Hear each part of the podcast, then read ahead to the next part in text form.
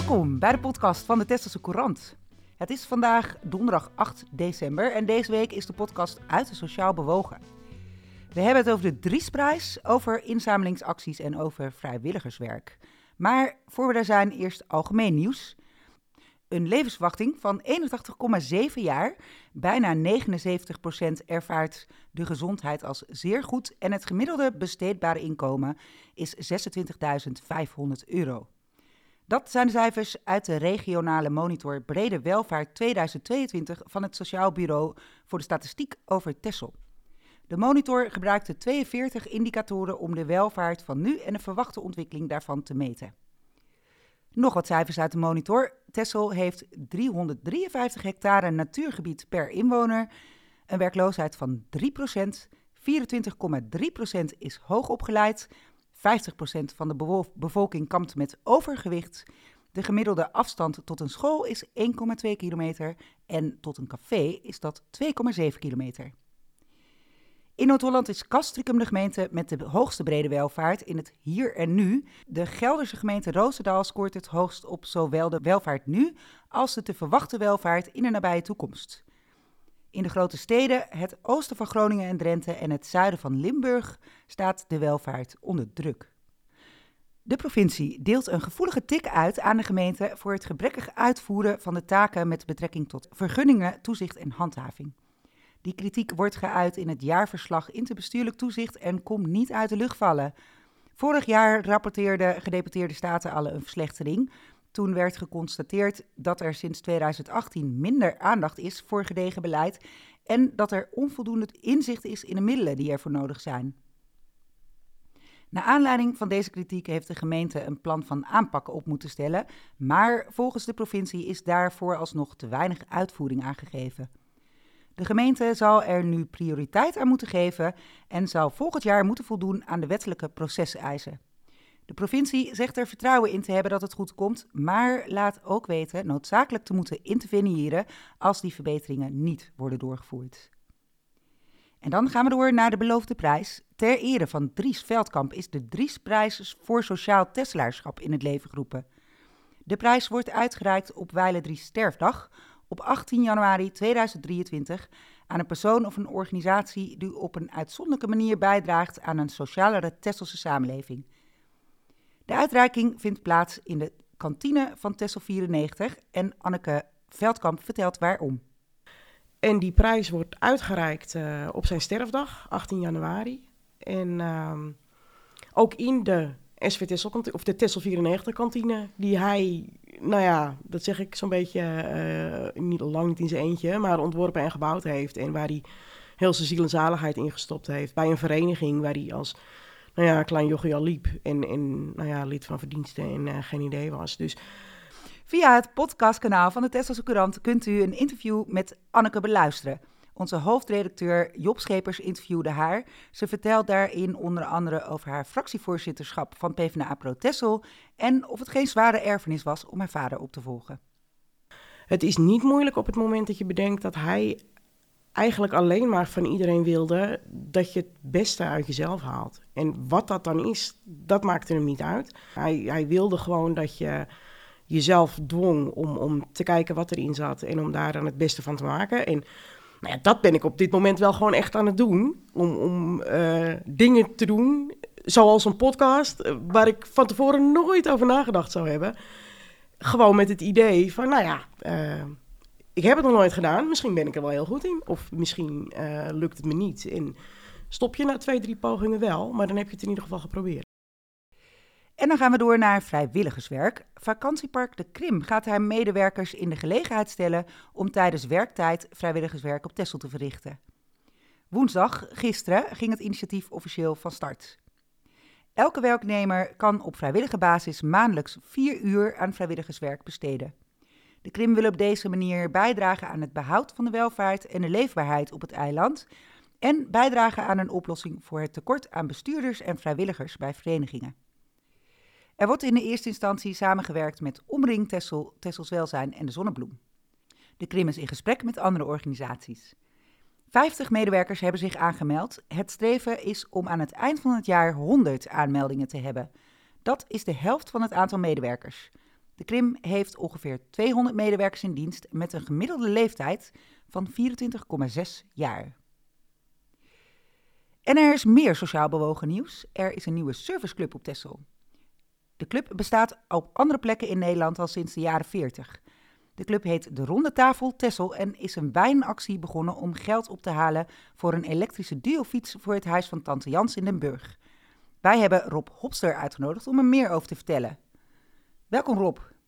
Hoi, goedemiddag. Goedemiddag. Wij berichten in maart al over jouw vertrek naar de Oekraïne. Jij ging daar naartoe samen met Sander Huiskamp en je nam hulpgoederen mee daar naartoe en Oekraïners mee terug. Nu ben je de oprichter van de nieuwe serviceclub. Wat drijft jou om deze dingen te doen? Nou, ik denk dat het heel belangrijk is dat, uh, dat als, als je dat kunt doen, uh, dat je ook wat doet, uh, doet voor andere mensen die dat heel hard nodig hebben. dat er in Oekraïne een hele zware behoefte was aan hulp, dat was natuurlijk allemaal wel duidelijk. Ja, je kunt dan natuurlijk thuis zitten, niets doen, je kunt, je kunt wat, wat geld overmaken, ook heel goed. Maar ja, als je, als je daar naartoe kunt gaan, spullen mee kunt nemen, daar lokaal dingen kunt kopen en mensen terug kunt halen. En je vindt dat leuk natuurlijk, ja, dan, dan denk ik dat je dat vooral moet doen. Nou, dat kon ik en ik vond het leuk. Blijkbaar vond je het leuk, want je hebt nu een serviceclub opgericht waarmee je meer van dit soort dingen kunt ondernemen. Kun je iets vertellen over die serviceclub?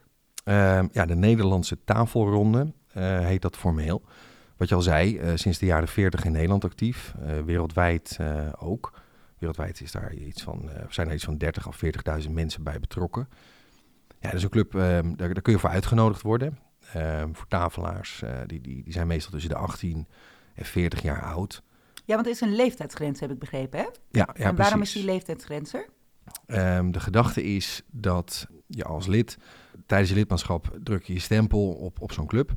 En op een gegeven moment dan moet je ook gewoon een, een nieuwe lichting weer de ruimte geven om, om er weer een andere richting aan te geven. En dat gaat beter met jonge mensen, is het idee? Ja, bijna al onze leden zitten zo tussen de 30 en 40 jaar oud. En zo is dat wereldwijd geregeld. En dat, dat werkt dus heel goed, zo blijkt. Uh, want dan zit je allemaal een beetje met dezelfde uitdagingen, kansen, op dezelfde plek in je leven. Uh, het zijn ook altijd, het zijn allemaal mannen. Het is club van alleen maar heren. Dus je deelt, je, ja, je deelt heel veel met elkaar, omdat je allemaal een beetje uit dezelfde achtergrond komt. En je weet, je weet ongeveer wat je wilt worden later, uh, met wie je wilt leven. je hebt al bedacht of je wel of niet kinderen neemt. Um, dus iedereen zit een beetje op dezelfde fase in zijn leven. En waarom zijn het alleen mannen? Ja, dat is eigenlijk best wel een goede vraag. We, we merken in ieder geval dat het heel erg uh, handig werkt. Maar dat, dat komt denk ik uit die oprichtingsjaren, uh, jaren 40. Uh, toen werd de tafelronde dus in Nederland gestart. Een paar jaar later zijn de dames de Ladies Circle begonnen. Dat is dan alleen voor dames. Ja, en eigenlijk is daar verder niet meer heel veel over nagedacht van, van zullen we dat veranderen? Want het, ja, dit werkt gewoon hartstikke goed.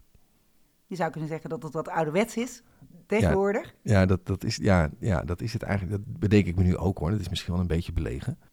Ja, als het in stuk is, moet je het niet repareren. Is, is dan wat ik meteen denk. Um, ja, ik heb je eigenlijk niet, niet een heel goed antwoord op, uh, op te geven. De wijn. Laten we overgaan naar de wijn. Want jullie zijn wijn aan het verkopen voor een elektrische duofiets voor het Huis van Tante Jans. En het Huis van Tante Jans is opvang voor uh, jonge dementerenden. Ja, dementerende uh, Tesselaars die dan op Tessel kunnen blijven. En heel goed kundig en liefdevol verzorgd worden. Jullie zijn een wijnactie gestart. Mensen kunnen via jullie website wijn kopen. Uh, kun je daar iets meer over vertellen? Wat voor wijn, om wat voor wijn gaat dat? Ja, nee, dat, dat, dat, is, dat is ontzettend leuk. Um, je, ja, je wil dus wat geld ophalen om, om daar wat goeds mee te doen. Die, die, bij Tante Jans hebben ze heel erg hard zo'n zo'n duofiets nodig. Je kunt met de pet rondgaan van wie, wie wil wat doneren. Maar we vonden het leuker om, um, om deze zomer te besteden aan, aan echt de krenten uit de pap te vinden. met betrekking tot, tot nog onontdekte wijnen. En een van onze leden, uh, is de eigenaar van het wijnhuis in, uh, in. Dus die kon ons daar goed bij helpen. En het, wa het was ook niet een heel onaangename reis hoor, die, die ontdekkingstocht langs al die wijntjes. en dat is, dat is ook goed gelukt, want we hebben, we hebben echt ja, die krent uit de pap wel gevonden. En een hele mooie rode wijn, de Monte Zovo. Een mooie witte, Touraine, Sauvignon Blanc. En een, ja, een knaller van de champagne. En die uh, ja, vrienden, familie, kennissen, die worden, die worden ons lastig gevallen met de vraag of ze ook niet uh, een paar doosjes En je moet ook hoog insteken. Een paar doosjes wijn eh, willen inslaan. Wat kost zo'n doosje? En, wat, Eh, en, we- en welk deel van, eh, van de opbrengst van het doosje gaat naar het huis van Tante Jans? Nou, alle opbrengst, eh, dus na de inkoopkosten, die gaan allemaal eh, naar het huis van Tante Jans. Er, blijft, eh, er is geen strijkstok waar iets aan kan blijven hangen. Een doos kost 66 euro. Dan heb je dus zes flessen. Dus 11 euro per fles. Reken erop dat ongeveer 30% van wat je dan bij ons uitgeeft, en daar gaat natuurlijk wat BTW vanaf, dat soort dingen, dat gaat echt naar, naar die duofiets toe. Dat gaat dus echt als een speer. Dat is ontzettend leuk. Want mensen komen echt allemaal, allemaal terug voor, eh, voor bij- en, eh, en herbestellingen. Dus eigenlijk moeten we er een beetje snel bij zijn voordat de wijnen op zijn. Want jullie gaan niet oneindig door met deze verkoop. Ja, ja dat klopt. Ja, we willen de, de lokale ondernemers natuurlijk zeker niet, eh, niet in de wielen rijden. We zijn ook helemaal geen bedrijfje. Het gaat echt om, om, om dit doel. Half januari dan willen we echt wel ophouden. En het ziet ernaar uit dat we het financieel doel ook, ook mooi gaan halen. Dus die fiets die komt er. Met een onderhoudscontractje dat die, eh, dat die kan blijven fietsen. En als we het heel goed doen, dan komt er zelfs de kans bij dat we er een afdakje overheen kunnen laten maken. Zodat die eh, uit de regen bewaard kan worden. Dat is mooi. Dus dat is voor ons allen een reden om wijn te bestellen. Ja, heel veel wijn. We Ja. zullen heel veel wijn bestellen. Dan gaan we door naar een inzamelingsactie van die andere surfclub. De Lions is samen met de Voedselbank Tessel een actie gestart. Zij zamelen de komende weken waardepunten van Douwe Egberts in. De ingezamelde punten worden omgeruild voor pakken koffie die Douwe Egberts begin 2023 aan de Voedselbank doneert. Dat doen ze elk jaar. Onze verslaggever Jeroen, die ook lid is van de Lions, Dat klopt. vertelt er meer over. Ja. ja, inderdaad, verslaggever. Dit is even met een andere pet op het hoofd. Dus eh, de pet van de Lions. We doen al een eh, paar jaar, dus volgens mij het zesde jaar dat we doen, eh, dat we koffiepunten inzamelen samen met de voedselbank. Koffiepunten van Douwe Egberts. Die worden dan gebundeld, worden geteld door de voedselbank. En vervolgens eh, gaat het allemaal naar de overkant. eh, het is een landelijke actie. En dan komen de pakken koffie eh, andersom deze kant uit. Ik heb begrepen dat de Voedselbank vorig jaar het hele jaar kon doen met de Ja. koffie die dat Ja, opleverde. hadden, vorig jaar hadden we ruim eh, 600 pakken koffie. Het jaar daarvoor zaten we rond de 900, zeg ik uit mijn hoofd.